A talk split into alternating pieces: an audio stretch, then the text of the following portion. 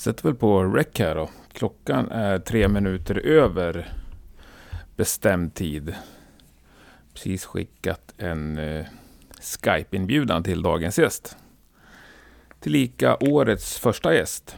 Varmt välkommen till den tionde säsongen av Rockpodden. Jag vet att jag har sagt några gånger eh, att tio säsonger blir det i alla fall. Sen vad som händer därefter, det får vi se.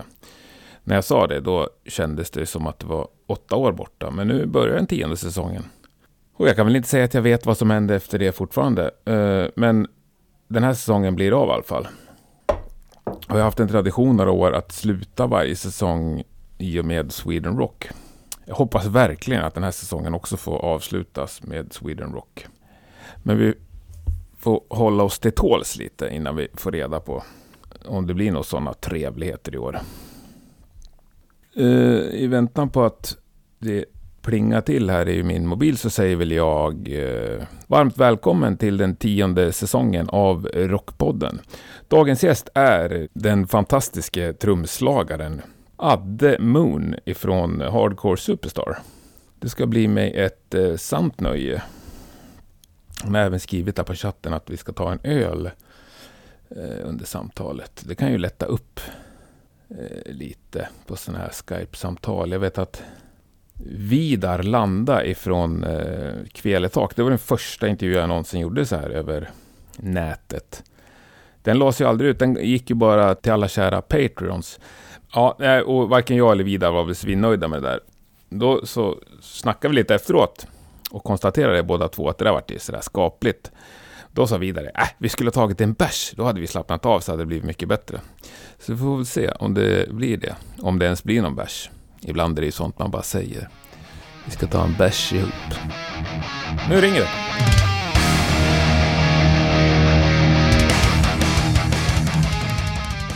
Då säger jag skål och trevlig helg till Adde Moon. Välkommen till Rockpodden. Tack så mycket. Skål. Hur är läget? Jo men det är bra. Det är gott. Det är fint väder idag och uh, man ska väl inte klaga? Nej, det ska man ju inte göra. Men en fredag så här klockan 14 som det är nu, vad, vad, brukar du normalt göra då? Ett vanligt år? Ja, men det är ju det. Jag tycker ju väldigt mycket om att vara i studion här ute som uh, ligger utanför mitt hus i en liten, mm. i en liten lada.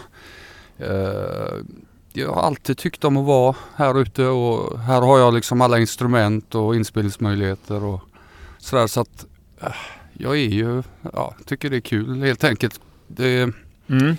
Där finns, eh, vad ska man säga, det finns liksom inga problem här ute utan det är mest om det är ostämt då, då blir man en galen men annars är det ganska skönt att vara här ute.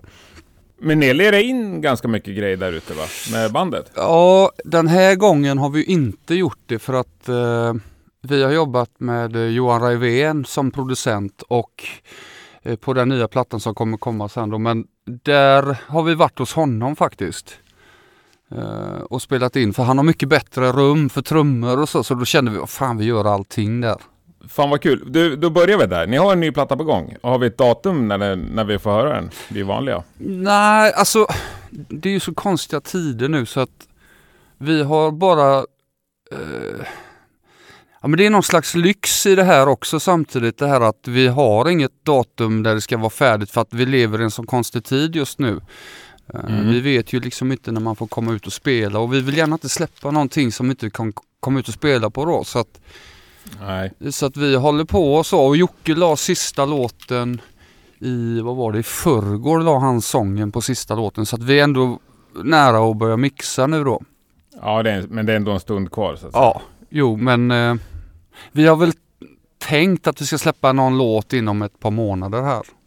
Fan vad spännande. Mm, ja, det ska bli kul. Men hur var det att spela in med en annan eh, supertrummis som producent? Alltså Johan och jag har ju känt varandra i, ja, 20, vad blir det, 30, 25 år i alla fall då.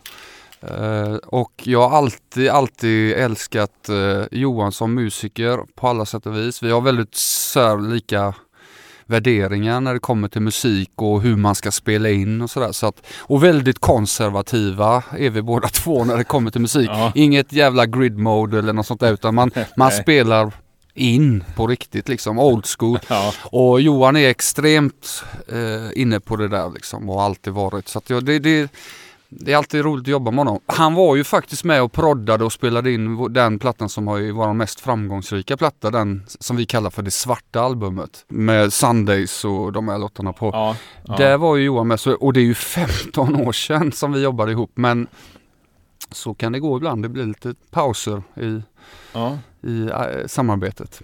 Men är han extra bra på att producera trummor, tycker du?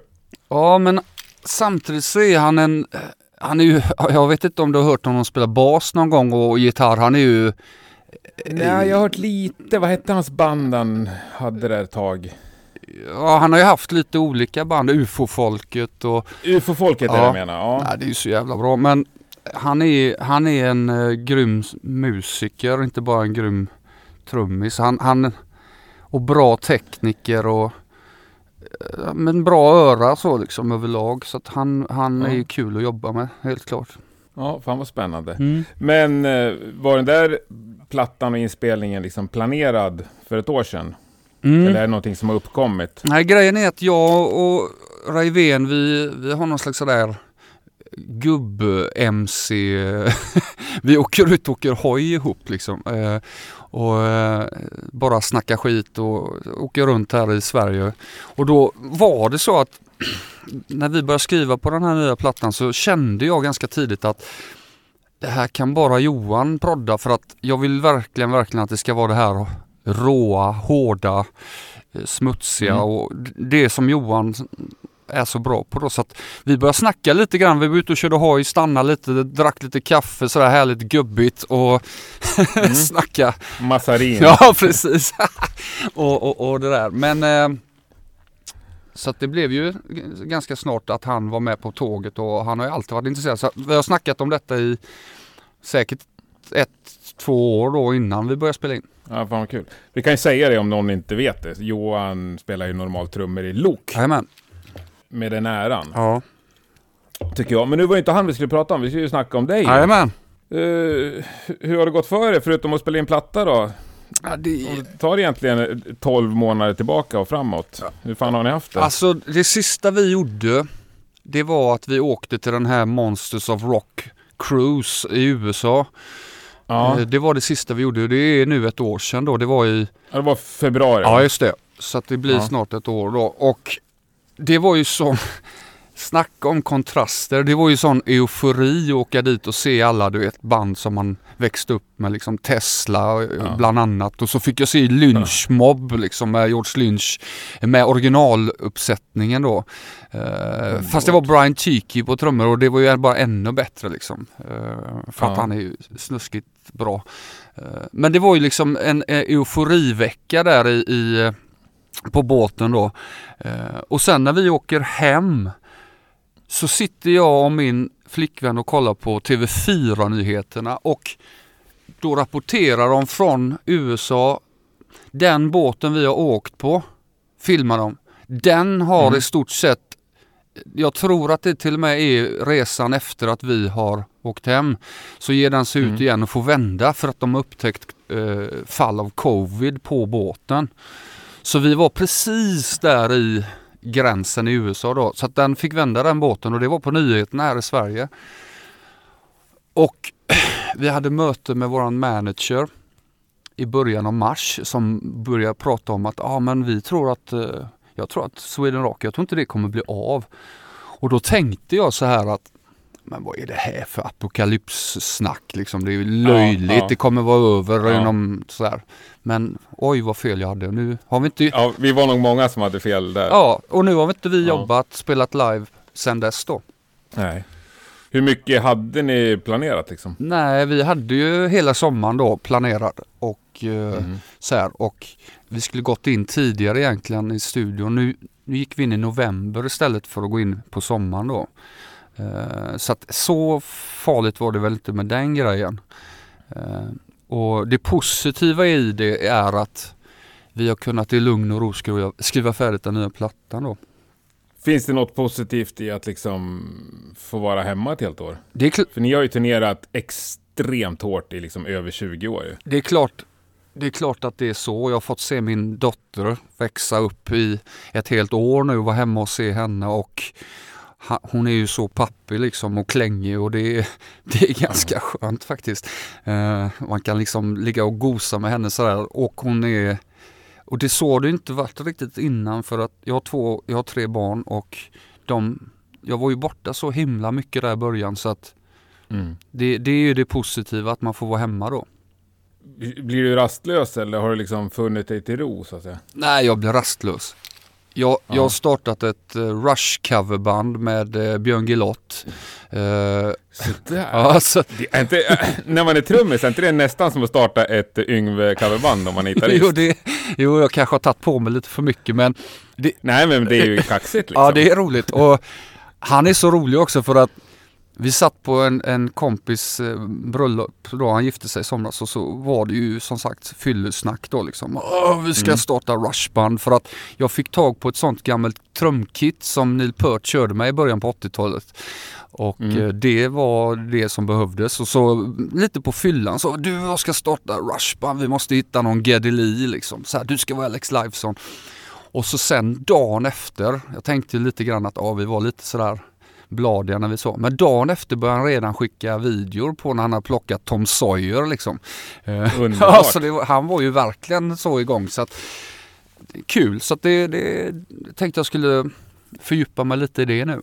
Men vem är Gedeli då? Nej, vi har inte kommit fram till det än. Vi, vi har en kille som, eh, som vi vill ha med men eh, han är så flaky hela tiden. Jag vill inte nämna några namn men det är ju omöjligt att Nej. få tag på honom. Men han är ju världens bästa basist. Och eh, ja. han kan sjunga ganska bra också så här, men han är svår att få tag på hela tiden så att vi funderar på om vi ska kanske ge upp honom och hitta någon annan istället. Ja, det kan ju vara en dålig start om man inte får tag på varandra från början. Ja, men du vet ett coverband, det ska ju inte vara massa Axel Rose i det liksom. Det ska ju bara vara kul att köra liksom. Så. Ja. Ja, men fan vad kul. Mm. Men ni hade ju mer grejer planerade. Ni hade ju den här uh, med Ossi och Judas. Ja, just det. Eh, mm. Och nu, det har ju hänt ganska mycket sedan dess för att då när det här gigget bokades så låg vi på Live Nation. Det gör vi inte längre. Aha. Utan nu gick ju eh, våran eh, bandbokare, han gick ju över till eh, United Stage. Mm. Så att nu ligger vi där. Vi följde efter honom. Och då blev ni av med Ozzy och Judas-giget? Ja, I och med att det är en Live Nation-produktion, yes. Jag fattar. Ja, det är väl tragiskt. Ja, nej, men det... Om det, om det nu någonsin blir av. Ja, det känns ju nästan som att det där bara är en eh, hägring nästan. Eh, ja, och så en kamp mot klockan och Ossis, eh, Ossis klocka ja. liksom. Ja. Mm. För nu såg jag, nu är det bokat 19 februari 2022. Ja. Vad de flyttade till. Ja. Ja, det är en bit dit alltså. Ja, det är det ju. Men eh, förutom plattan där, liksom, har ni... Ja, det är klart ni har saker planerat, men liksom, vad är nästa grej som ni törs tro att det kommer hända?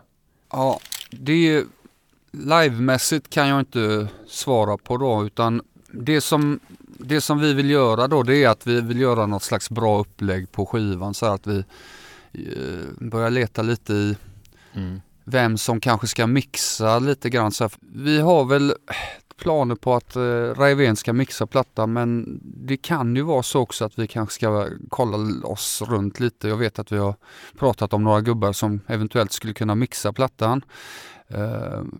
Eh, det är det vi har framför oss då och kanske börja kolla på någon video till förstkommande singel för plattan mm. och lite sånt där. Ehm, det är väl det som är den eh, omedelbara framtiden för oss. Men live kan jag inte riktigt jag kan inte riktigt svara på live för att det, det är väl ingen som kan göra det faktiskt. Nej. Det är ju en, det är en tankenöt som och när man får svar på det där, det vet vi ju inte. Liksom. Det, Nej, men har ni turnéer som ni har liksom skjutit på eller har ni blankt i kalendern och bara väntar på att det ska bli möjligt att boka? Alltså det har ju blivit så att när detta släpps upp igen så det har ju blivit, vi hade till exempel eh, han hade ju ett jubileum, eh, en, vad är det han heter, han som har Bang Your Head i Tyskland och han har varit ett stort fan av bandet i alla dessa år och han, han är någon slags eh, mentor där nere i Tyskland som har den här Bang Your Head och det är mycket, Mm. mycket vilja eh, och så på den gubben. Och han hade ju det här jubileumet som skulle komma upp då eh, 2020 men det blev ju inte av. Och då var ju det, en, det skulle bli en jättestor grej att vi skulle spela och det skulle, vi skulle köra hela vägen ut med full show och allting. Så det är ju lagt på is. Och sen var det lite sådana här grejer som turnéer och sånt där som Men det har ju bara Det har ju bara fått Jag vet faktiskt inte vad som händer med det nu. Nej. Nej, och det är väl eh, nästan lika bra att inte veta. Ja, Man blir bara ledsen på allt. Det är som- Jag vet att jag har sagt flera gånger, jag orkar liksom inte bli besviken en gång till. Så jag törs inte nej, nej precis. lita. Eh, Det, det man får göra nu som sagt, det är, det, man får bara försöka se positivt till och göra någonting av den situation som är. Det här med livestreams och sånt är ju jättekul att, att folk gör liksom. Jag tycker det, Mm. det är nog kanske någonting vi kanske kommer börja fundera på om inte det här ändras snart. Ja, något måste man hitta på. Ni är ju som kreativa människor som är vana att jobba så jävla mycket också. Ja. Ja. Eh, hade vi varit i början av karriären så hade man ju blivit deprimerad.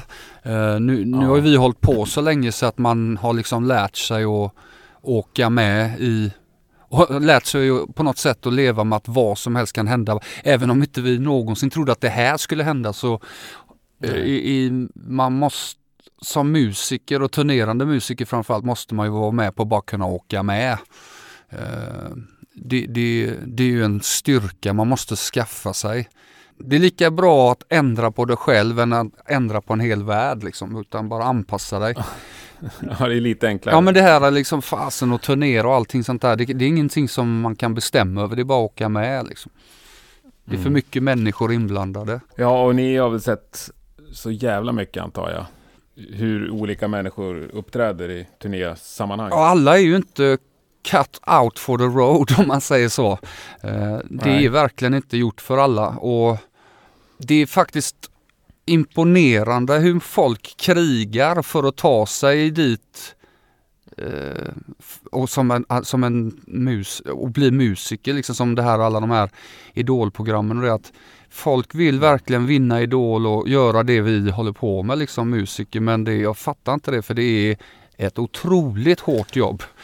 Eh, Ja. att vara, åka runt och livnära sig som musiker. Att, att det fortfarande är så glamoröst eh, det, det är faktiskt förvånande men det, det är väl också att man måste vara lite naiv och sådär. Men det, om du bara älskar musiken så är det klart att då blir det ju lättare i slutet av dagen. Men själva livet och ligga i en buss och åka runt så det, det kan vara tufft alltså. Ja, det är väl sällan det inte är tufft, inbillar jag mig. Precis. Alltså hur många lyxdagar eller lyxturnéer har ni på 20 år? Ja du. Ingen. Nej, Nej men ja, då kan jag tänka, ja men typ då sån här kryssning liksom i Söderhavet. Ja men det, jo men det är det- exakt och det här att åka på festivaler det är ju lite kul för att då får man oftast se något band man har vuxit upp med och det finns Mm. ju mindre bra festivaler och jättebra men och är man bokad på Hellfest i Frankrike så kan man ju räkna med att det kommer bli kul. Inte för att man själv ska spela utan för att det är massa andra band man vill se liksom.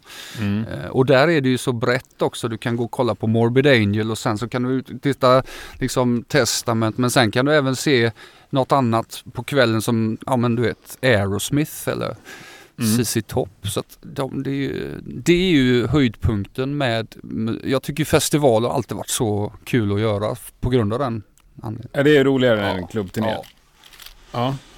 Helt klart. även fast inte alla är där för er skull. Så att. Ja, men jag tycker ändå någonstans att eh, folk är coola så. Våran musik är ganska lätt att göra live för den bygger på den bygger på energi och röj liksom. Eh, Det hade varit jobbigare Ja. om man var ett sånt pretto-band eh, och gå upp och lira och så står folk och vill bara banga liksom.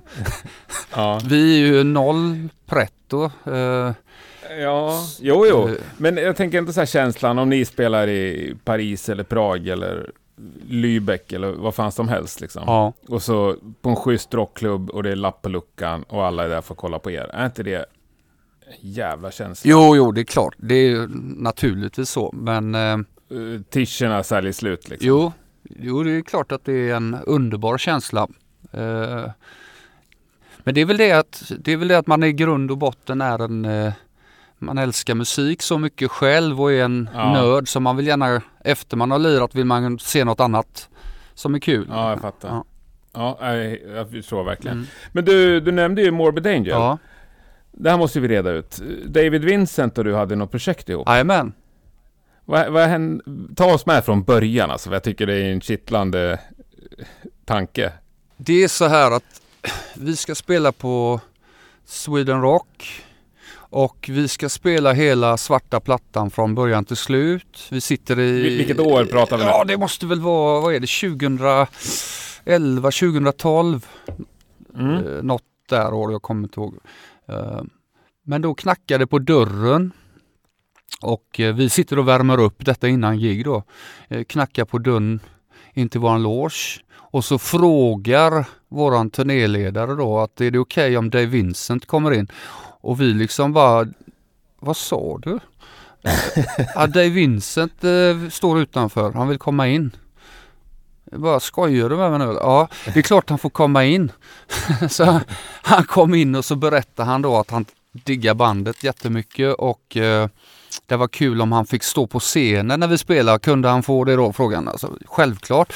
Och så tog vi några små whiskys där eh, ihop och snackade allting. Och det, det var ju bara sådär. Eh, jag har så mycket frågor men eh, jag kunde liksom inte liksom, nej, det var verkligen en häftig känsla så. Ja. Så när vi stod där uppe sen och spelade så tittade jag över, för han stod bredvid mig, så tittade jag på honom. Då stod han och slöt ögonen sådär när vi spelade. så att, Fan vad ja, så det var, det var häftigt faktiskt.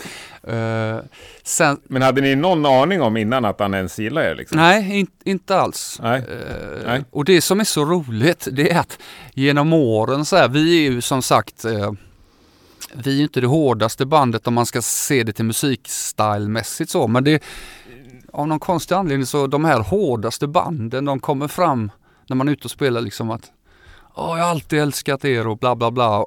Och det är det sista man tror ska komma fram och säga så. så det, jag vet inte vad det är men det är nå- någonting där kanske som vi kanske, jag jag tror det är så här, vi alla gillar New Wobben med grund och botten och Mm. vi har ju sagt det, hardcore har ju liksom en gemensam musikstil och det är New Wobben. Sen så har vi alla olika därifrån men New Wobben kan vi liksom, eh, Mm. liksom komma och, där är vi överens. Liksom. Och det kanske är det att de hör det liksom, eh, de här, för jag tror att det är omöjligt att inte gilla New Wobben om man spelar hårdare musik tror jag.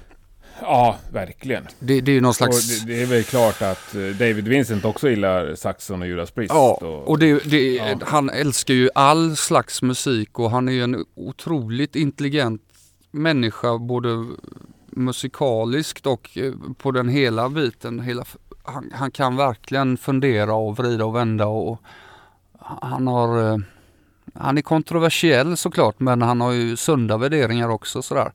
Men Mm. Ja, i alla fall vi höll kontakten efter Sweden Rock och eh, jag började skicka lite låtidéer till honom. Eh, jag, Men lu- lugn nu. ja. Ni håller kontakten, sen bara skickar du en låt så här. ja, för han sa så här att en vacker dag så hade det varit kul att göra någonting ihop med dig för att eh, det har varit kul bara liksom. Är du, och jag liksom, ja skojar du eller? Och eh, jag har alltid velat ha jag har alltid velat ha ett något liksom sidoprojekt som påminner väldigt mycket om Merciful Fate och King Diamond och lite den här stilen då. Mm. Och det tyckte han var kul och eh, Niklas Engelin var ju också med på detta ganska tidigt.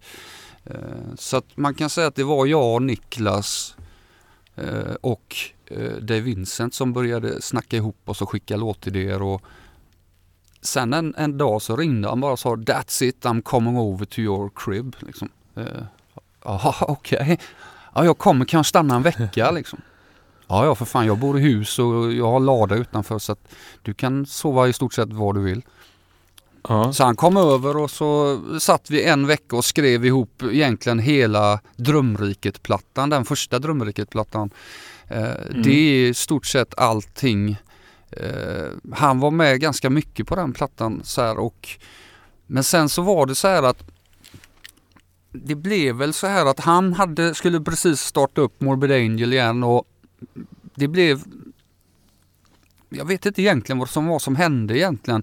Han håller ju fortfarande kontakten och vill fortsätta göra och det ligger liksom en ny eh, material till en ny platta. Så att det, det är väl avstånd kanske lite som gör det så här för att vi är ju väldigt lika när det kommer till vad vi tycker om med musik och så här. Så jag tror helt klart att vi ska göra någonting i framtiden och göra färdigt det bara. Mm. Det är ju så jävla coolt ju. Ja. Men, men alltså vad gör han i Drömriket? Eller på den plattan? Han har inte skrivit så mycket på den utan han kom mest över och satt och rökte sådana här, vad heter det, e-cigaretter eller vad heter det? Mm. och bara pusslade ihop bitarna liksom och agerade nästan som producent. Det var liksom, hade spelat det dubbla kaggar där för att det, det lägger vi på gitarren liksom. Och äh, Niklas, äh, du ska nog testa att köra med äh, du ska nog inte ha aktiva mickar liksom utan du ska ha passiva. Och, ja men du vet han, han ja. bara allt, allt högt ja. och lågt liksom tyckte han. Och han stod där och knöt näven i studion liksom och, och, och, och bara var allmänt skön. Hade skönt inflytande bara på oss. Ja, det är underbar roll liksom. Ja. Ja.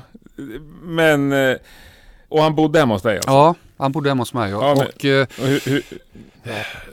var sådär oerhört väldigt väluppfostrad och artig och jag kommer ihåg att min morsa och farsa bjöd in honom på middag.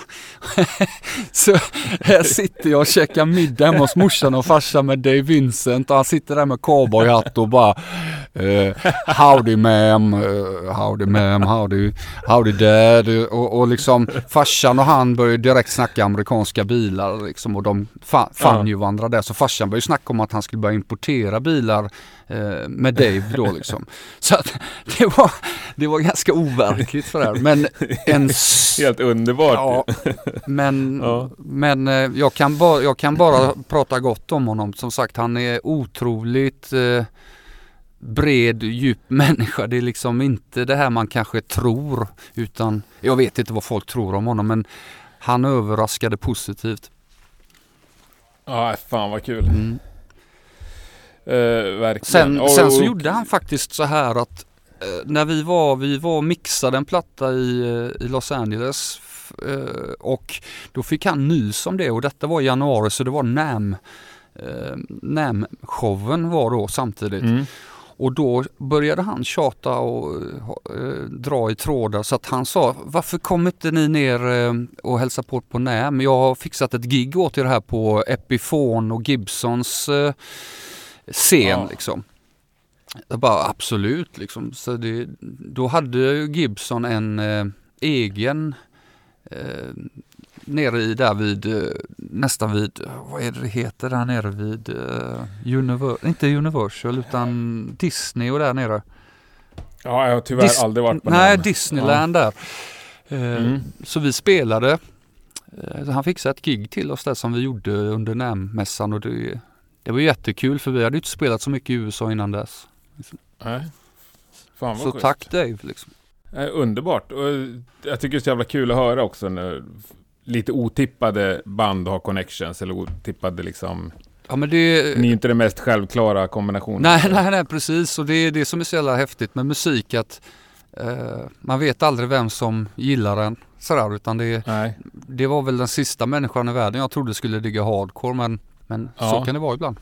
Ja, det är underbart. Jag spelar ofta in avsnitt i folks replokaler. Liksom. Jag tycker det är bara så jävla spännande att höra vilka som delar replokal med varandra. Ja, just det. det är också ibland så otroligt otippade grejer. Liksom. Ja precis, men du vet precis det, Clawfinger och Meshuggah delar replokal och... Ja, det kanske, i tio år. Ja, det, kan, det kanske inte är så konstigt i och för sig, men för någon som är utomstående som bor i Brasilien så mm. kanske det är jättekonstigt. Jag, jag vet inte men men, eh, Lite så. Men de är ju li, ja. de är lika störda båda banden. ja det är väl det då. ja, Nej, men lägg ut. Kanske. Men du, apropå med Sugar, ska vi snacka lite trummor? Ja. Har det alltid varit trummor som är ditt instrument? Ja, alltså egentligen inte för jag spelar ju väldigt mycket mer gitarr än vad jag spelar trummor. Jag trummor gör jag ju egentligen bara när jag måste spela in en låt eller Är det så? Ja, jag övade ju jättemycket trummor när jag var liten och, och blev Mm. galen i Iron Pace och Purple var ju Purple och King Diamond var ju min grej. Eh, Mm. Inte så mycket Zeppelin, det kom senare, men Iron Pace, det här liksom fjäderviktsliret liksom. Mm. Rappa liret. Jag har alltid diggat det, så det var det. Men, men så fort hardcore drog igång så blev det ju mer och mer gitarr och låtskrivande och eh, det tar ju tid att lära sig att skriva bra riff och låtar så man måste plocka mycket musik och måste öva mycket gitarr och för, för, att, för att helt enkelt träna upp sitt låtskrivande liksom. Så Mm. det går inte ens att jämföra hur mycket mer gitarr som man spelar idag än trummor. Trummor gör man bara för att få ner låten eh, medan gitarr är verkligen man får sitta och öva. Men lirar du gitarr liksom för skojs skull också så att säga? Ja, ja, oh ja. Ja. Det, det, är ju, det är ju det som tar fram barnet i en fortfarande. Det här att man kan faktiskt sätta sig ner och lära sig Diary of a Madman eller eh, den eran är jag ju väldigt svag för den Randy Rhodes-eran och Ozzy. Det är, Ja. det är ju dit någonstans man eh, siktar. Det är ju alltid, det är det ultimata, de två första plattorna där tycker jag med Ozzy. Det är, det är liksom bra lir, bra låtar, eh, liksom spelglädje, mystik, lite härlig smygsatanism och ja, det, det blir inte bättre än så. Nej, fast du känner inte så med trummor då, liksom? Alltså, det, jo, alltså emellanåt. Varje gång vi ska börja spela in en platta så blir man ju lite besatt av att öva så. Då är det kul att sätta igång. Men sådär om man inte har någonting som, som kommer upp liksom så är det inte det att jag går ut och sätter mig och övar längre. Ja men nu då så här rush-grej. Ja, då, liksom, ja någon- precis, men då har man ju ett mål med det. Liksom. Då är det ju askul. Då är det ju jättekul att gå ut och sätta sig och öva. Men om jag, det, och det kanske är därför man startar sådana här grejer för att eh, få en anledning till att sätta sig ner. För att bara sätta sig ner och gå ut och öva en paradiddle, det, det gjorde man när man var upp till 20 år kanske, men Ja. inte sen efter det. Nej, det kanske jag fattar. Men just liksom en låt eller ett, ja, ett komp liksom. Eller bara, ja. Ja, nej, det, Men var länge, jag? Jag- det var länge sedan faktiskt. Ja, jag fattar. Men eh, när du lirar gitarr, har du någon som helst liten dröm om att eh, någon gång stå på scen och lira gitarr? Nej, nej, Ingen? nej. Det kommer vi aldrig få se. Nej, jag, jag, det är liksom, jag vill ju knappt stå på scen och spela trummor längre. Men det, nej, skämt, å- Är det så? nej, men skämt åsido. Det, det som är roligast idag är ju helt klart studiobiten. Det har ju bara blivit roligare och roligare. Det är, ju mer man lär sig och det mer, ju mer man kan, kan liksom, då blir ju studiovärlden mer lockande. Eh, det är ju väldigt, väldigt eh, monotont att vara ute på turné. Okej, Okej, man kommer till en ny ställe varje dag så här, men jag tycker helt klart att den här kreativa biten i studion är mycket, mycket roligare än att vara ute på turné. Det, det, det tror jag. Men så får man ju komma ihåg att jag har hållit på med det här i 20 år också. Eh, Mm. Så att eh, så var det ju inte de första 10 åren, då var det ju tvärtom. Ja, det tror jag är ganska vanligt faktiskt. Ja, det tror jag. Eh, Och det här att man har ett behov av att synas och så, det finns inte utan det är mer att höras i så fall, att man, man släpper någonting som man är nöjd med. Det är ju en skön känsla att man faktiskt, oj det här tycker jag till och med är bra liksom. Och, och det, det, det är ju en skön känsla faktiskt. Men nöjer du dig med att du är nöjd med det? Ja, oh ja.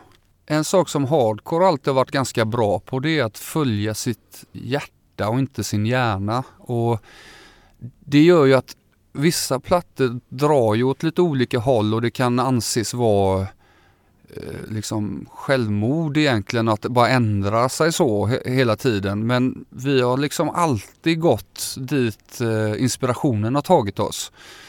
Det är Mm. väldigt, väldigt eh, oskuldsfullt på det sättet. Det finns ingen business i våran musik whatsoever att taktiska drag eller någonting sånt där utan det är alltid var hittar vi mest inspiration nu liksom? Ja det är här, i det här världen liksom och då skriver man utifrån och tummer den Mm. världen på idéer och tänk inte en sekund på om det här ska funka eller inte utan man bara jagar någonstans eh, här är jag tillfredsställd. Jo, men det kan jag köpa, men jag tänker ändå att i samma sekund som man släpper ut det till omvärlden så tänker jag att de flesta vill att så många som möjligt ska höra det och helst älska det. Liksom.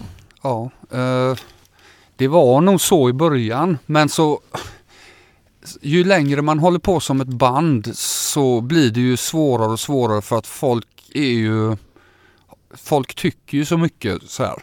Och till slut måste man nästan sluta bry sig om sånt för att det spelar liksom ingen roll vad man gör. Och jag menar, jag tycker synd om Metallica varje gång de släpper en platta för de kan ju inte göra något, ja. de kan inte göra något rätt för att de får ju skit för att de går tillbaka till Kill Em All och det och så hyllar vissa det att de gör det och de kan ju inte vinna liksom.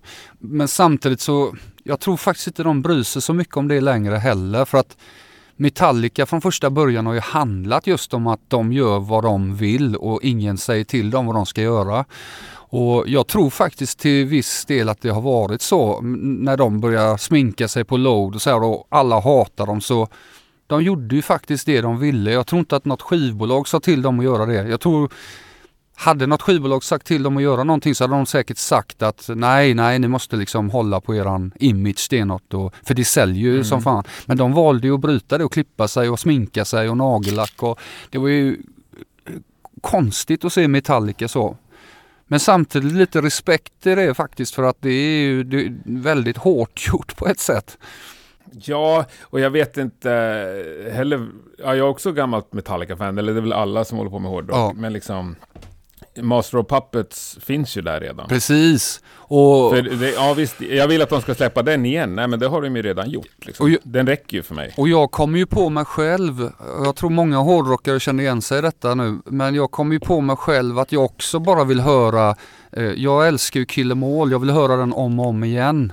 Men ja. jag... Ja men lyssna, lyssna på den då. ja, ja precis. Ja. Men då, då dör du ju, du imploderar ju som band liksom om du hela tiden ska ja. försöka göra den om och om igen.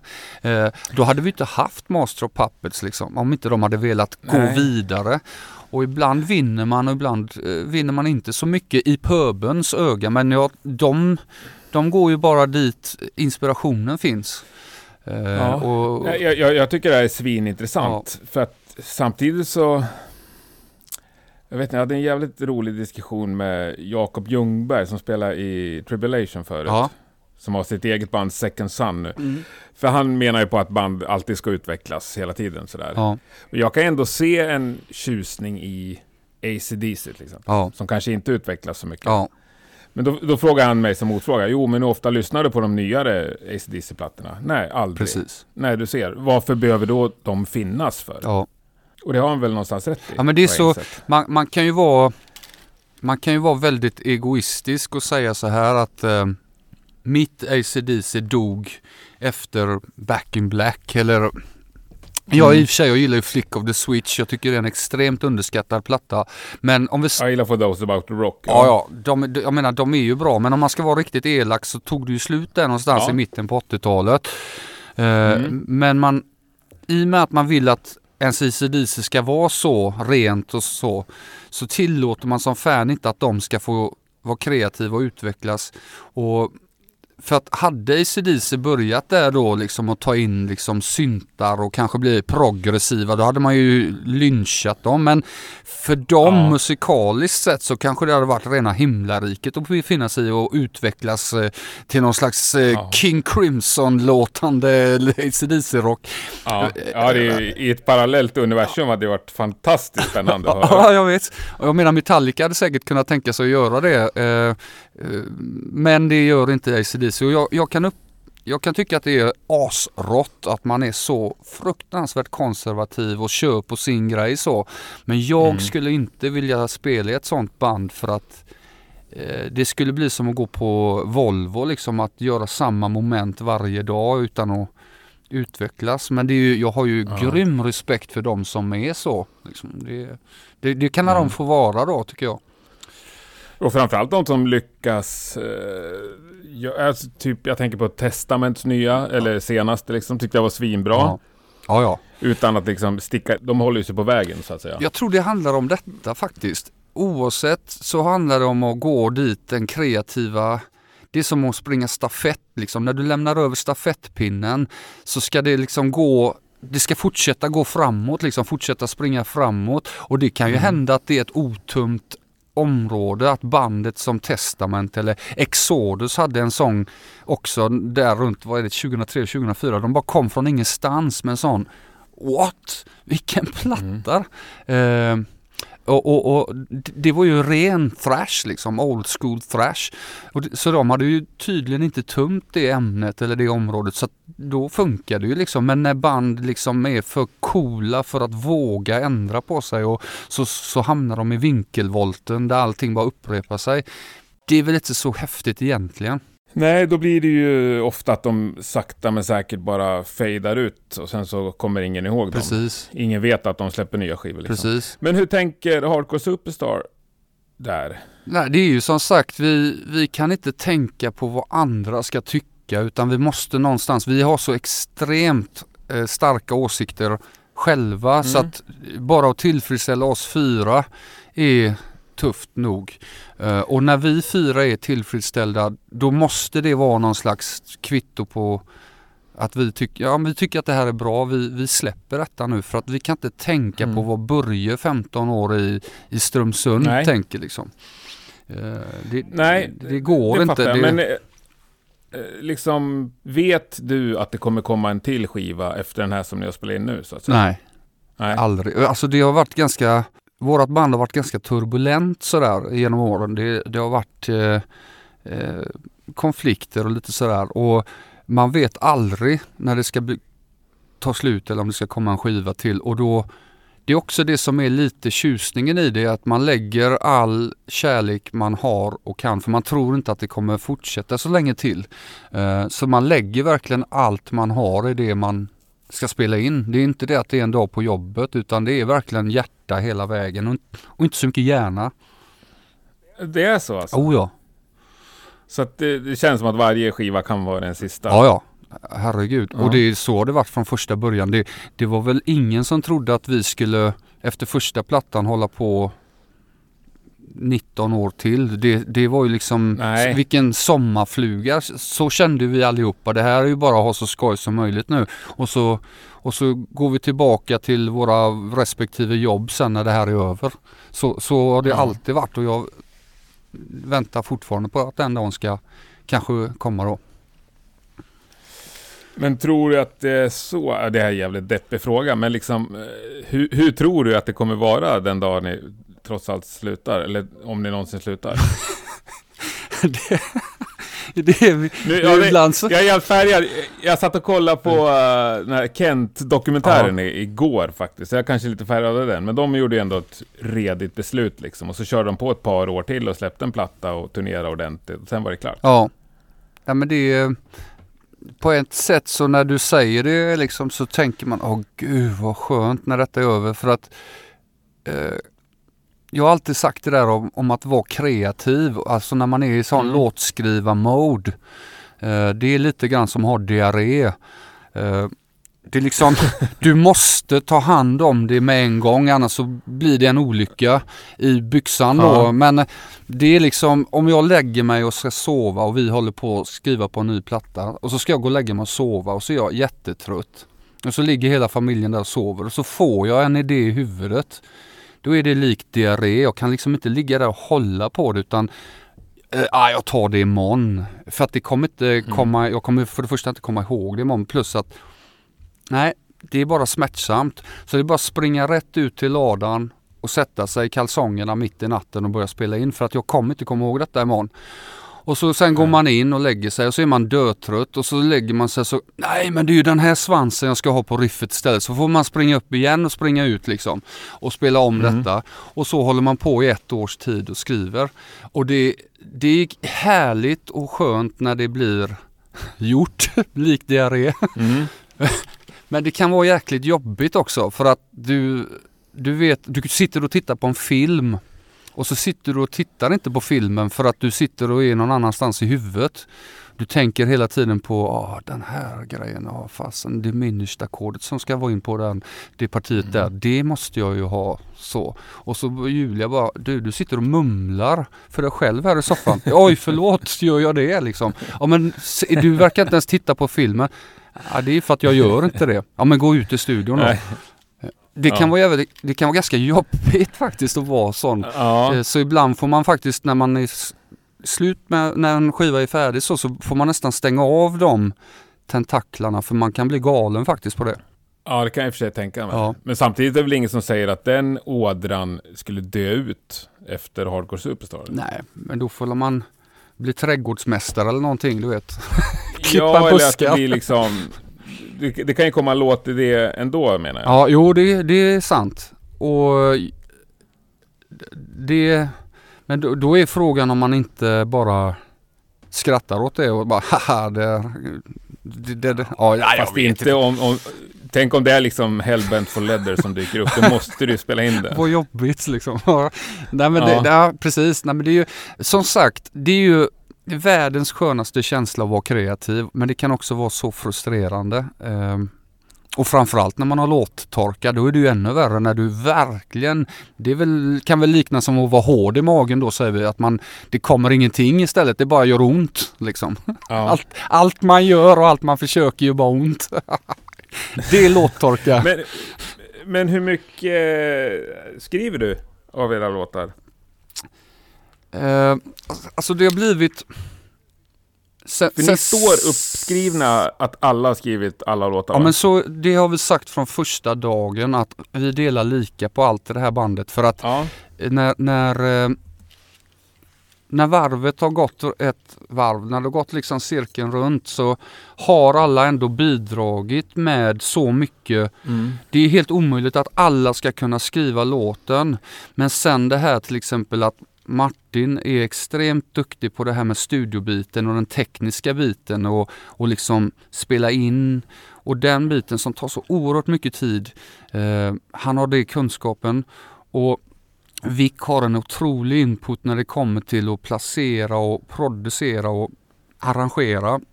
Och Jocke mm. den här killen som tar det här lasset med han får göra intervjuer och springa runt och hålla på med den biten.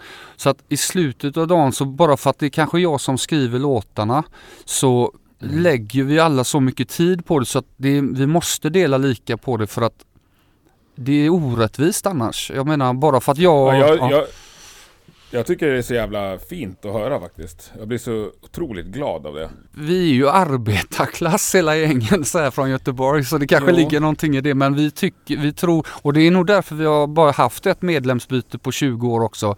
Det är att allas, allas uppgift är lika värdefull. Jag menar vi sliter mm. häcken av sig för att komma upp med t-shirtar och liksom man kommer eh, skivomslag och, och den biten och, och fotosessions, mm. han har idéer. Och, och, vi alla är så involverade och hjärtat ligger i bandet och där är, bara man har hjärtat med, är bara där värt 25 mm. procent.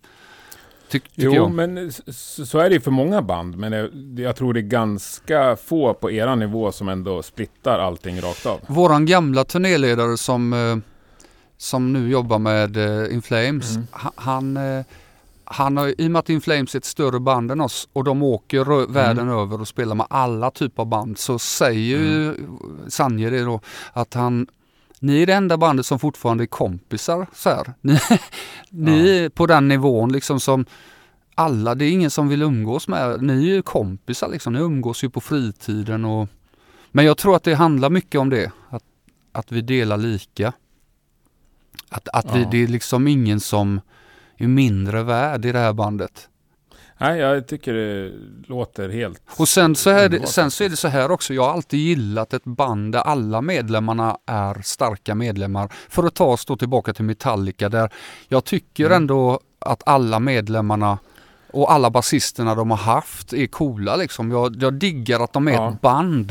Uh, mm. Jag är inte mycket sådär, det finns band där man bara lyfter fram sången och sånt där men det, musikernörd som jag är så ja. diggar man ju Rush och sånt där alla är starka medlemmar i bandet. Mm. Ja, jag, jag tänkte på Mötley Crüe också. Ja. Jag vet inte vilken platta det är, men det måste vara någon av de tidigare. Så vet jag, det står på den att eh, All songs written by Mötley Crüe as a band. Ja.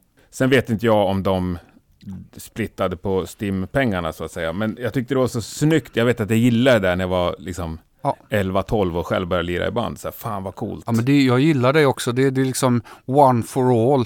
Det är liksom Ja. all for one. Och det, det finns något gängliknande coolt i det som jag tycker om. Jag, Ja. eh, det här med giriga frontfigurer liksom. Det, det är inte så... Nej.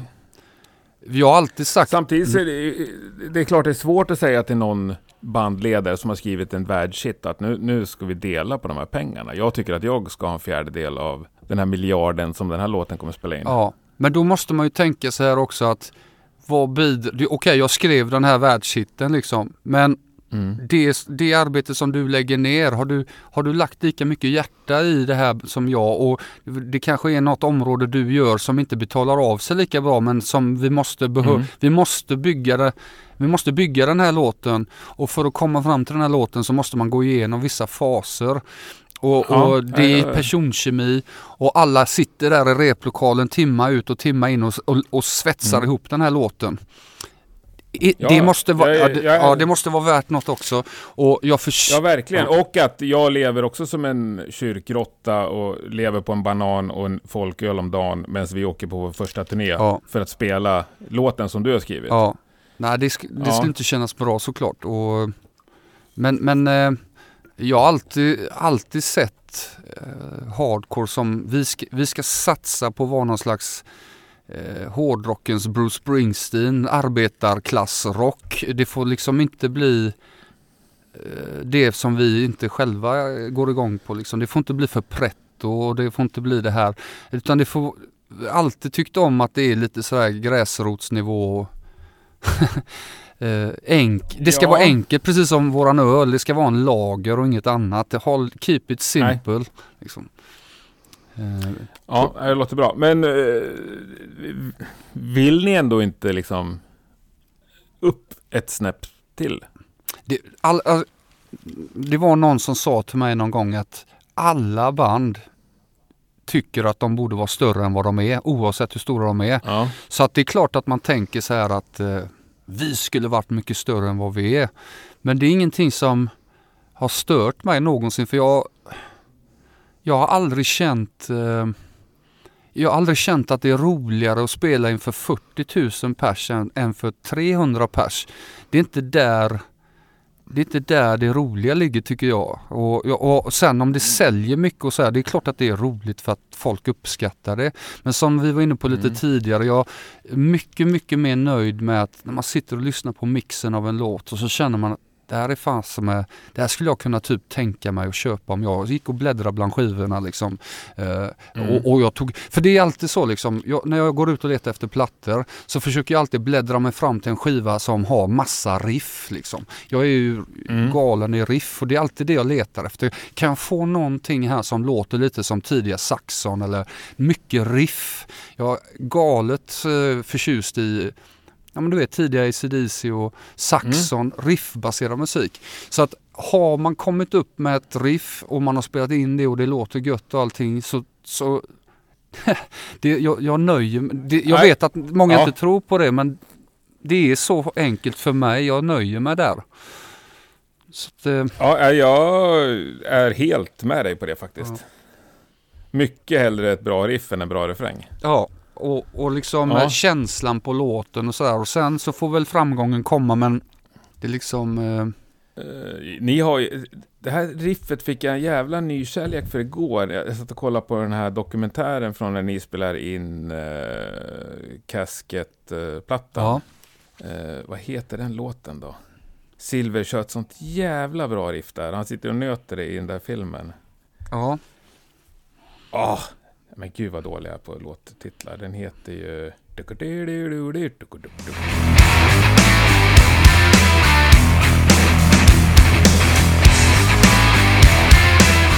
Ja men det är det är ju titelspåret. Ja just det, den heter Dreaming in the Ja. Casket. Ja. Ja. men det, jag kan tala om hur det riffet kom till. Mm. Jag ville blanda Hatebreed med Guns N' Roses jag, jag, Men det är inget Guns N' Roses där? Är det? nej, men jag satt hemma, jag hade fått en flya i eh, födelsedagspresent av bandmedlemmarna. Mm. Jag satt hemma och hade sån feeling på den här gitarren. Och så eh, hade jag åkt från Stockholm hela vägen från Stockholm till Göteborg i bil själv och suttit och funderat Mm. på, jag hade lyssnat på Hatebreed och eh, inte Guns N' Roses men jag ändå kände, jag satt och skrattade lite för mig själv och tänkte hur kan jag blanda de två banden till att bli någon slags, så jag tänkte då första delen så här du du du du du du du du du typisk Guns typ. Men så tar vi vad, vad är Hatebreed då? Okej, dun dun dun dun dun dun dun dun. Slår vi ihop de två grejerna så ser vi om det är så blir det någon slags eh, sleaze möter thrash liksom. Eh, eller jag vet inte om man kan kalla Hatebreed thrash men det var så jag tänkte då Nej. i alla fall. Ja, Men det var så det riffet kom till. ja är det är jävligt bra i alla fall. Men har du topp tre världens bästa riff sådär i... Snyta ur det bara. Jag kan säga så här. Världens bästa riff är, Mm. är Riff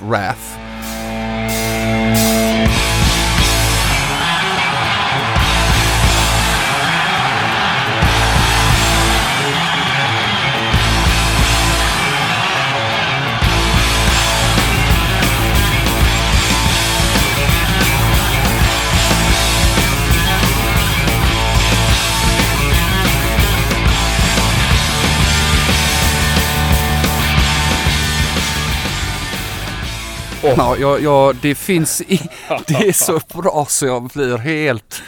Du vet, det är så Ja. många gånger man har suttit i bussen Ja, ja. innan.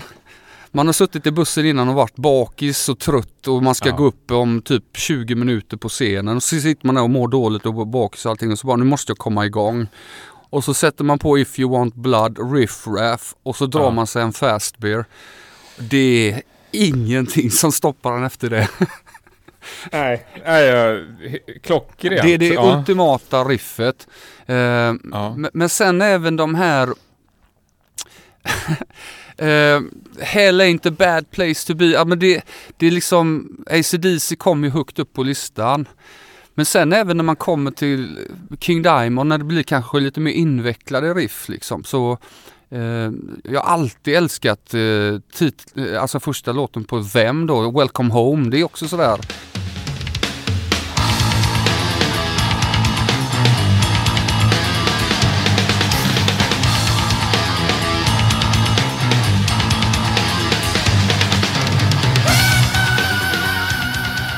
Men det är en annan Ja. style så. Eh, det är lite ja, mer ja, men invecklat man- men det är också sånt där riff man alltid har velat lära sig så spela på alla instrument.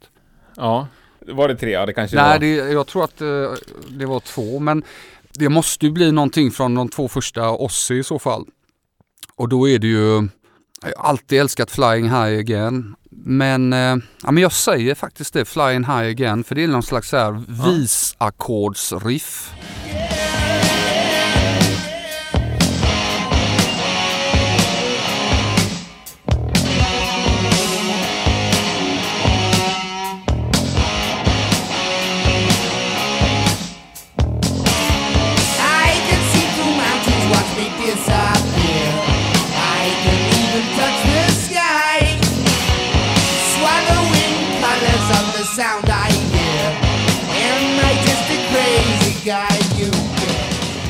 det är en bra lista. Ja. Det här kände jag att det här ska jag fråga fler om. Ja, gör det. Riff är ju det viktigaste. Du kan inte spela hårdrock och inte ha ett riff. Liksom. Nej, för det är så många som säger, är det en bra låt och en bra refräng så är det en bra låt. Men jag är också med dig där. Alltså, det är, det inte ett bra riff så är det ingenting Nej. för mig. Och jag menar som, eh, som oss är mycket så, han, han förlitar sig på ett bra riff och så sen så när refrängen kommer så är det bara Back at the moon. Ja. Det är liksom inte, Ja, det, är inte mer än det. Den är ju, nej men det är ett svinbra exempel för mig också. Hör jag riff, intro och riffet liksom, då, ja men det här vet jag att det här är en svinbra låt. Ta bort, Jag behöver inte höra, jag behöver inte höra refrängen, jag vet redan att det är skit. precis, ta bort main-riffet på the moon. Vad har du kvar då? Mm. Du har ju inte så mycket. Ingenting. Nej, det är ju riffet Eller, liksom. eller balls to the ta bort riffet. herregud. Ja, Accept ska vi inte prata om hur mycket bra riff de har gjort. Det är ju, Ja. De är ju klanderfria första Ja, fem plattor. Alltså till och med, ja.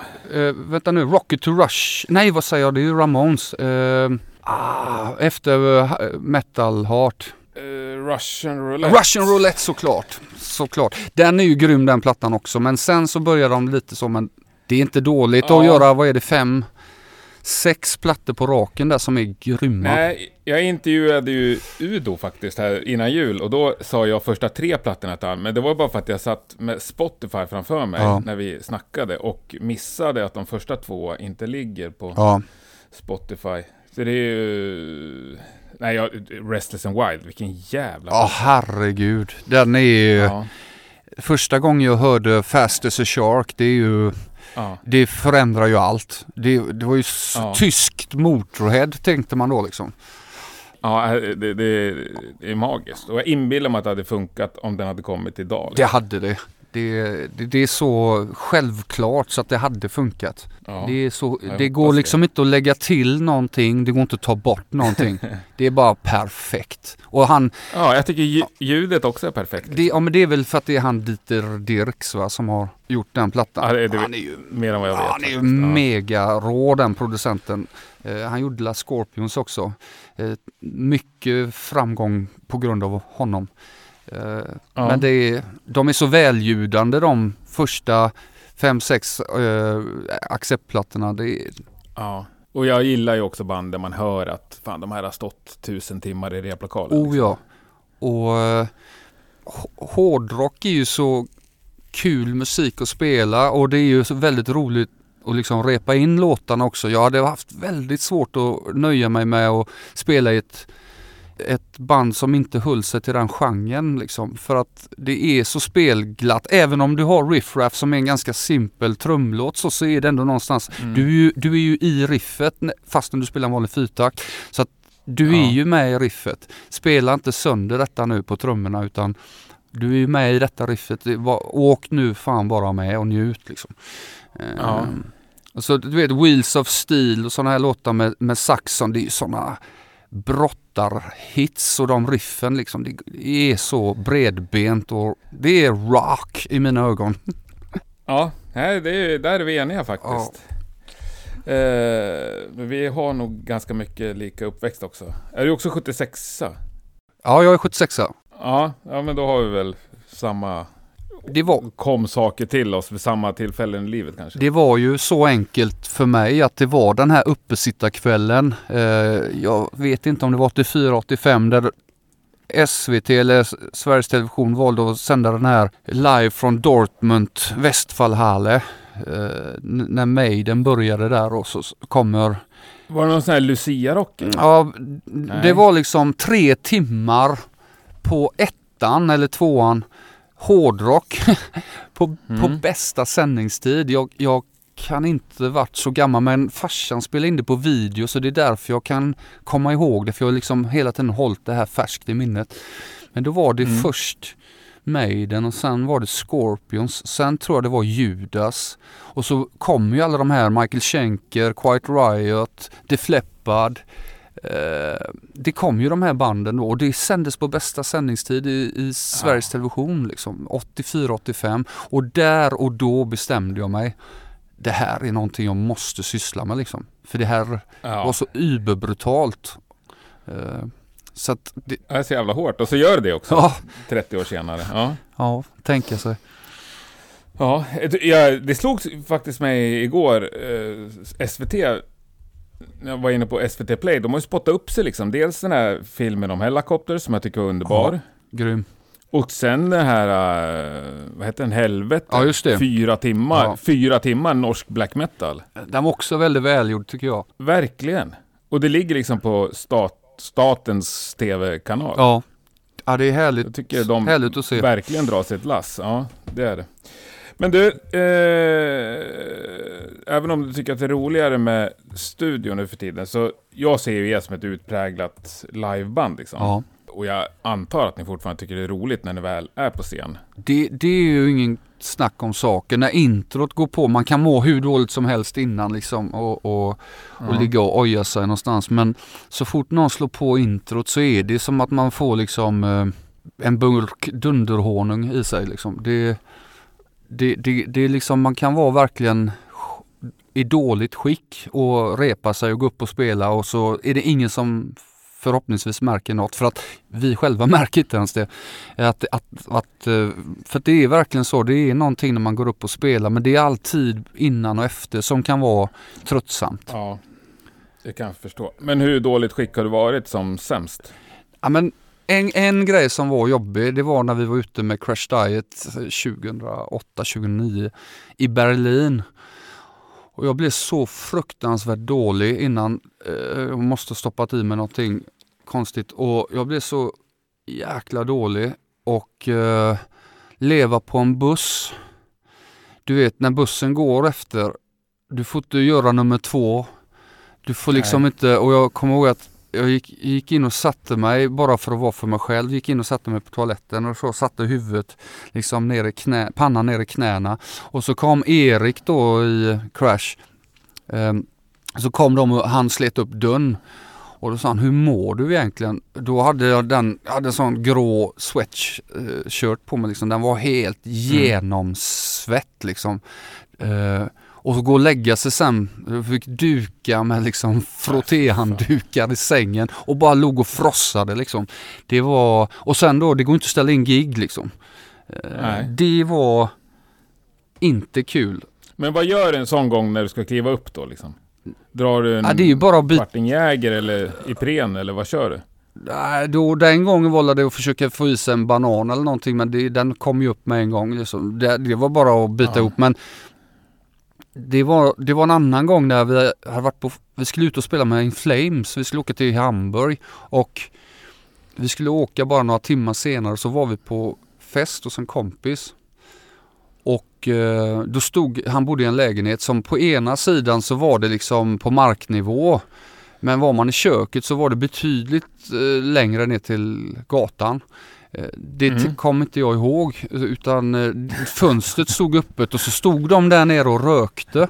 Så tänkte jag att jag skulle Ja. skoja med dem och då var jag fortfarande inne i vardagsrummet och såg tvärs över lägenheten att det stod öppet. Så jag sprang igenom lägenheten och hoppade ut genom fönstret och höll på Som man gör, ja. och höll på att slå ihjäl mig. Så, och vi vill inte på något sätt vara respektlösa mot In Flames så liksom. Så vi åkte hela vägen ner med turnébussen till, till eh, Hamburg. Tror det var Hamburg, bara för att ställa in. Jag kunde inte röra mig. Alltså jag hade så ont i ryggen och jag, jag fattade inte vad det var jag tänkte på. Men jag skulle väl, skulle väl bara se Ja. hur, om de blev förvånade eller någonting sånt där. De som stod Ja. nere och rökte. Men det blev de ju då. Så no, ja, något, ja, det var ju, något uppfyllde det. Men det, det, där, det där var länge sedan. Men du, apropå att lira med lite större band. Ni har ju lirat med sin helvete många av de här äh, monsterbanden liksom. AC/DC och Mötley och Kiss och Motorhead och Dio. Och, ja. Ja. hur många som Mm. helst. Eh, vilka har varit absolut liksom, trevligast mot er att lira med? De som var coolast var ju AC/DC för att min brorsa bor ju i Italien och vi skulle öppna för dem i Turin. Och eh, det hade också bestämts att de skulle komma in i våran loge och hälsa på oss, vilket de nästan aldrig brukar göra. Eh, så vi tyckte bara wow. Och det som var så himla häftigt också, det var att vi hade svensk press med oss på den svängen av någon konstig anledning som var där och dokumentera. Så att de sa så här, gör ert gig och så kommer vi in och hälsar på er. Så bara, va? Mm. Och min brorsa då som är också uppväxt hårdrockare, han sitter liksom med ryggen. Vi är ju på Juventus hemmaarena då, 90 000 Mm. pers. Och då sitter, ja det är liksom, man hör ju hela byggnaden även fast man sitter i logen och det bara hör man, det är någon slags liv när det blir så mycket folk. Eh, Ja. Men så sitter brorsan liksom med ryggen mot dörren och rätt som det är så slits bara dörren upp och så kommer Brian Johnson in. Och du vet hur han är lite så Oh! Oh mate! Och, liksom, och, och rycker tag i min brorsas hand liksom och skakar hand med honom. Ja. Eh, och han blir ju helt så här, wow. Och in kommer hela bandet och det är ju liksom Malcolm Angus, Phil Rudd, Åh. Williams. Alltså det... Som, som, det som är häftigt då det är att vi får ta kort med dem också så att då... eh, Fan jag tror det blev mittuppslag till och med i GT hemma sen. eh, för att det var en sån grej då. Men Fan vad coolt. ja, Men varför ville de komma in till er? Vet du det? Ja. Det var bara för att ni var bra? Nej, utan jag tror att det handlar om att eh, Brian Johnson har släktingar i Italien och de ville vara någonstans innan gig. Det var så vi fick det förklarat för oss i alla fall. Eh, så när ACDC kom in så var det liksom, det såg ut som två stycken vill jag minnas, typiska sådana italienska bulltanter liksom. Eh, Ja. Kom in också. Eh, För att de vill väl kanske inte ha dem i sin loge, jag vet inte. Men det var så vi hade fått det förklarat för oss att de ville ha någonstans att snacka. Men, men de stod ju bara och snackade med oss. Så att, Ja. och, men, men jag märkte ju att Brian hade någon band med dem, att de var släktingar för att de stod ju och kramades och lite så här. Men på den, annars hade det nog aldrig hänt.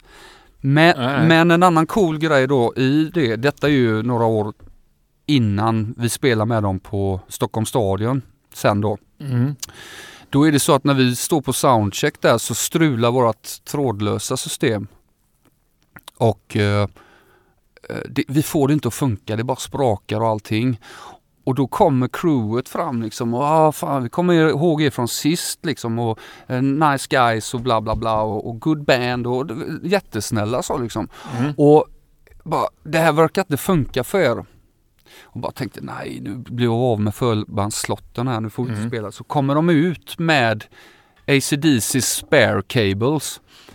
Som är en sån otroligt fin gest för om deras grejer går sönder Ja, så ja. måste de ju ha gå till sladd liksom. Ja.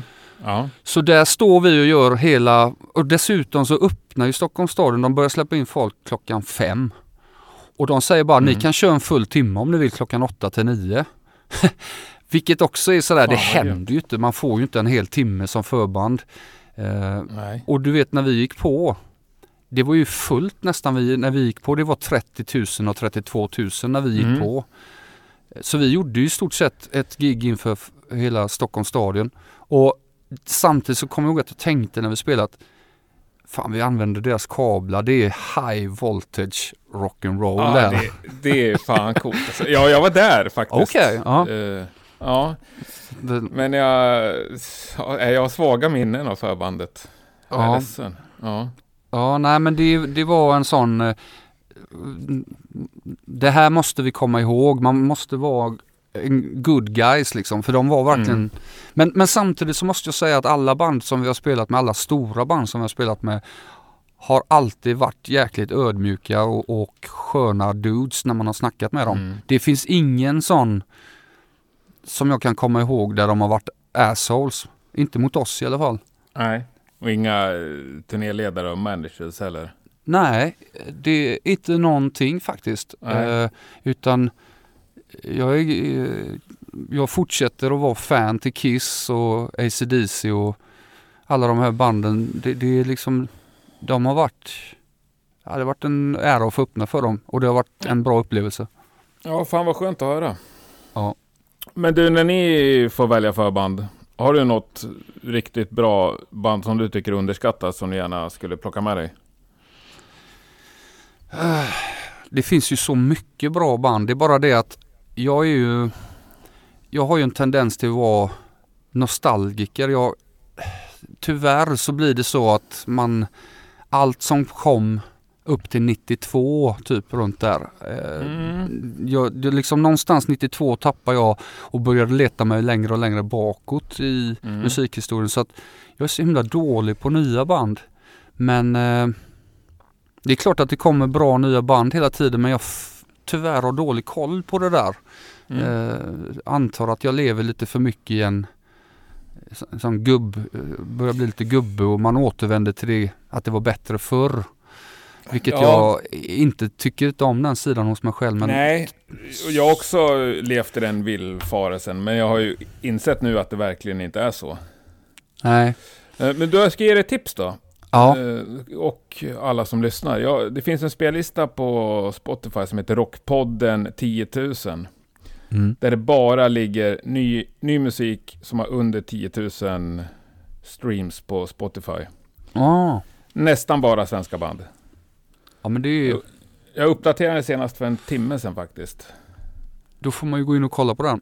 Ja, det, där har du ju en jävla massa tips på mindre roliga grejer. Problemet är ju inte det att de är dåliga eller någonting så för oftast när man hör något nytt band så är det oftast bra. Jag blir nästan så här häpen över hur bra det är. Det är bara det att det når inte fram till mig. Jag, jag, jag får inte informationen till mig liksom. Så att jag bara tackar för alla. Ibland så har man ju lite vänner och sånt som när man är ute och spelar och det kan vara folk som jobbar för som det här ska du lyssna på. Det, det är väldigt kul. Liksom. Men man är så dålig på att få det presenterat för sig tyvärr. Ja. Och det är ju extremt svårt att ge, nå igenom bruset liksom. Oh ja. Det är, ju, det är ju svårt för er när ni släpper en ny platta och få folk att lyssna på den antar jag. Precis. Och precis. tänk då för ett helt okänt band. Ja, ja. Nej, det, är, Ja. det är en... Det är som Yngve säger, det är en tuff bransch. Bra slutord tycker jag. Men du, sjukt trevligt uh, fredagssnack Adde. Även Ja, om det här kommer verkligen. släppas på torsdag. Okej. Ja, eh, nej jag tror jag är nöjd där. Eller jag är nöjd i alla fall. Ja, det var ju jättekul det här. Ja, verkligen. Ser jag fram emot uh, se er live snart och träffa dig på riktigt. Ja, detsamma, detsamma. Och så, Även om vi tydligen har träffats förut på riktigt. ja, alltså du, du gick på MI mellan 95 och 96. Ja, Jag åkte, jag kom ju till, eh, jag började ju september 96 vill jag minnas. Jag... men eh, känner, känner du Per Hemberg? Eller vet du vem det är? Nej, alltså Per, du, du tänker på Per som, gick han trum? Nej, sångare. Han hade hår ner till midjan då. Svinsmal var han. Från Kungsbacka. Ja, alltså. Det är Så så han himla... sa att han har kort på dig och mig tillsammans när vi är hemma typ hos dig på fest. Jag kommer inte ihåg det. Åh herregud, ja men det, det, ja, det har nästan varit kul att se. Men eh, Ja. Vi får... man får komma fan ihåg att det här var, ja, man får komma ihåg att det här var ju över 20 år sedan. Så att Ja, verkligen. det minnet sviker. Men jag har vissa minnen därifrån som, och, och det var ju lite tråkigt förresten måste jag bara säga det med Tim Bogert. Ja, Såg fy jag, fan vad tråkigt det var. ja, det var ledsamt så här. Men samtidigt så han var väl inte purung men han var ju inte heller jättegammal. Nej, Så att, jag fick eh, en klump i magen faktiskt. Det är sällan jag får det. Men jag, jag hade sånt, jag har två fantastiska minnen med Tim Bogart. Jag gick ju baslinjen dessutom. Ja, Han hade ju någon sån här öppen klass man fick gå på om man ville. Som var två Ja. timmar lång varje onsdag eftermiddag eller vad. Den brukar jag gå på. Och en gång så var det bara jag där. Så jag hade, jag hade en två timmars eh, privatlektion med honom. Han var så jävla mysig man. About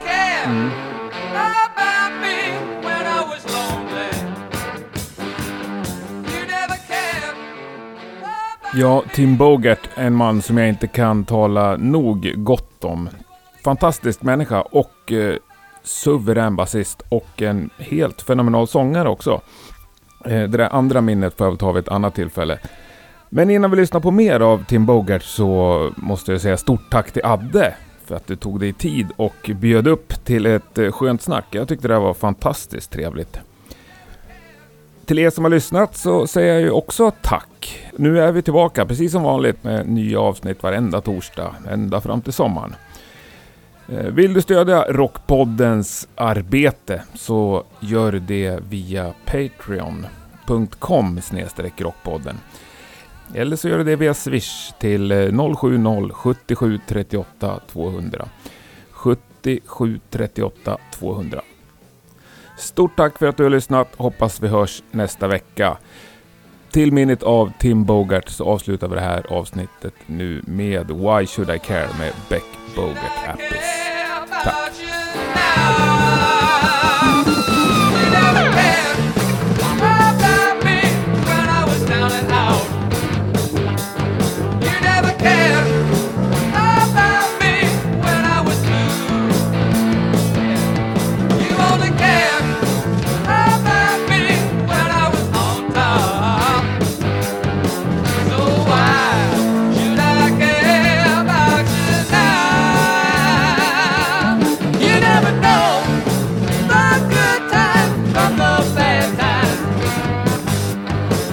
never see.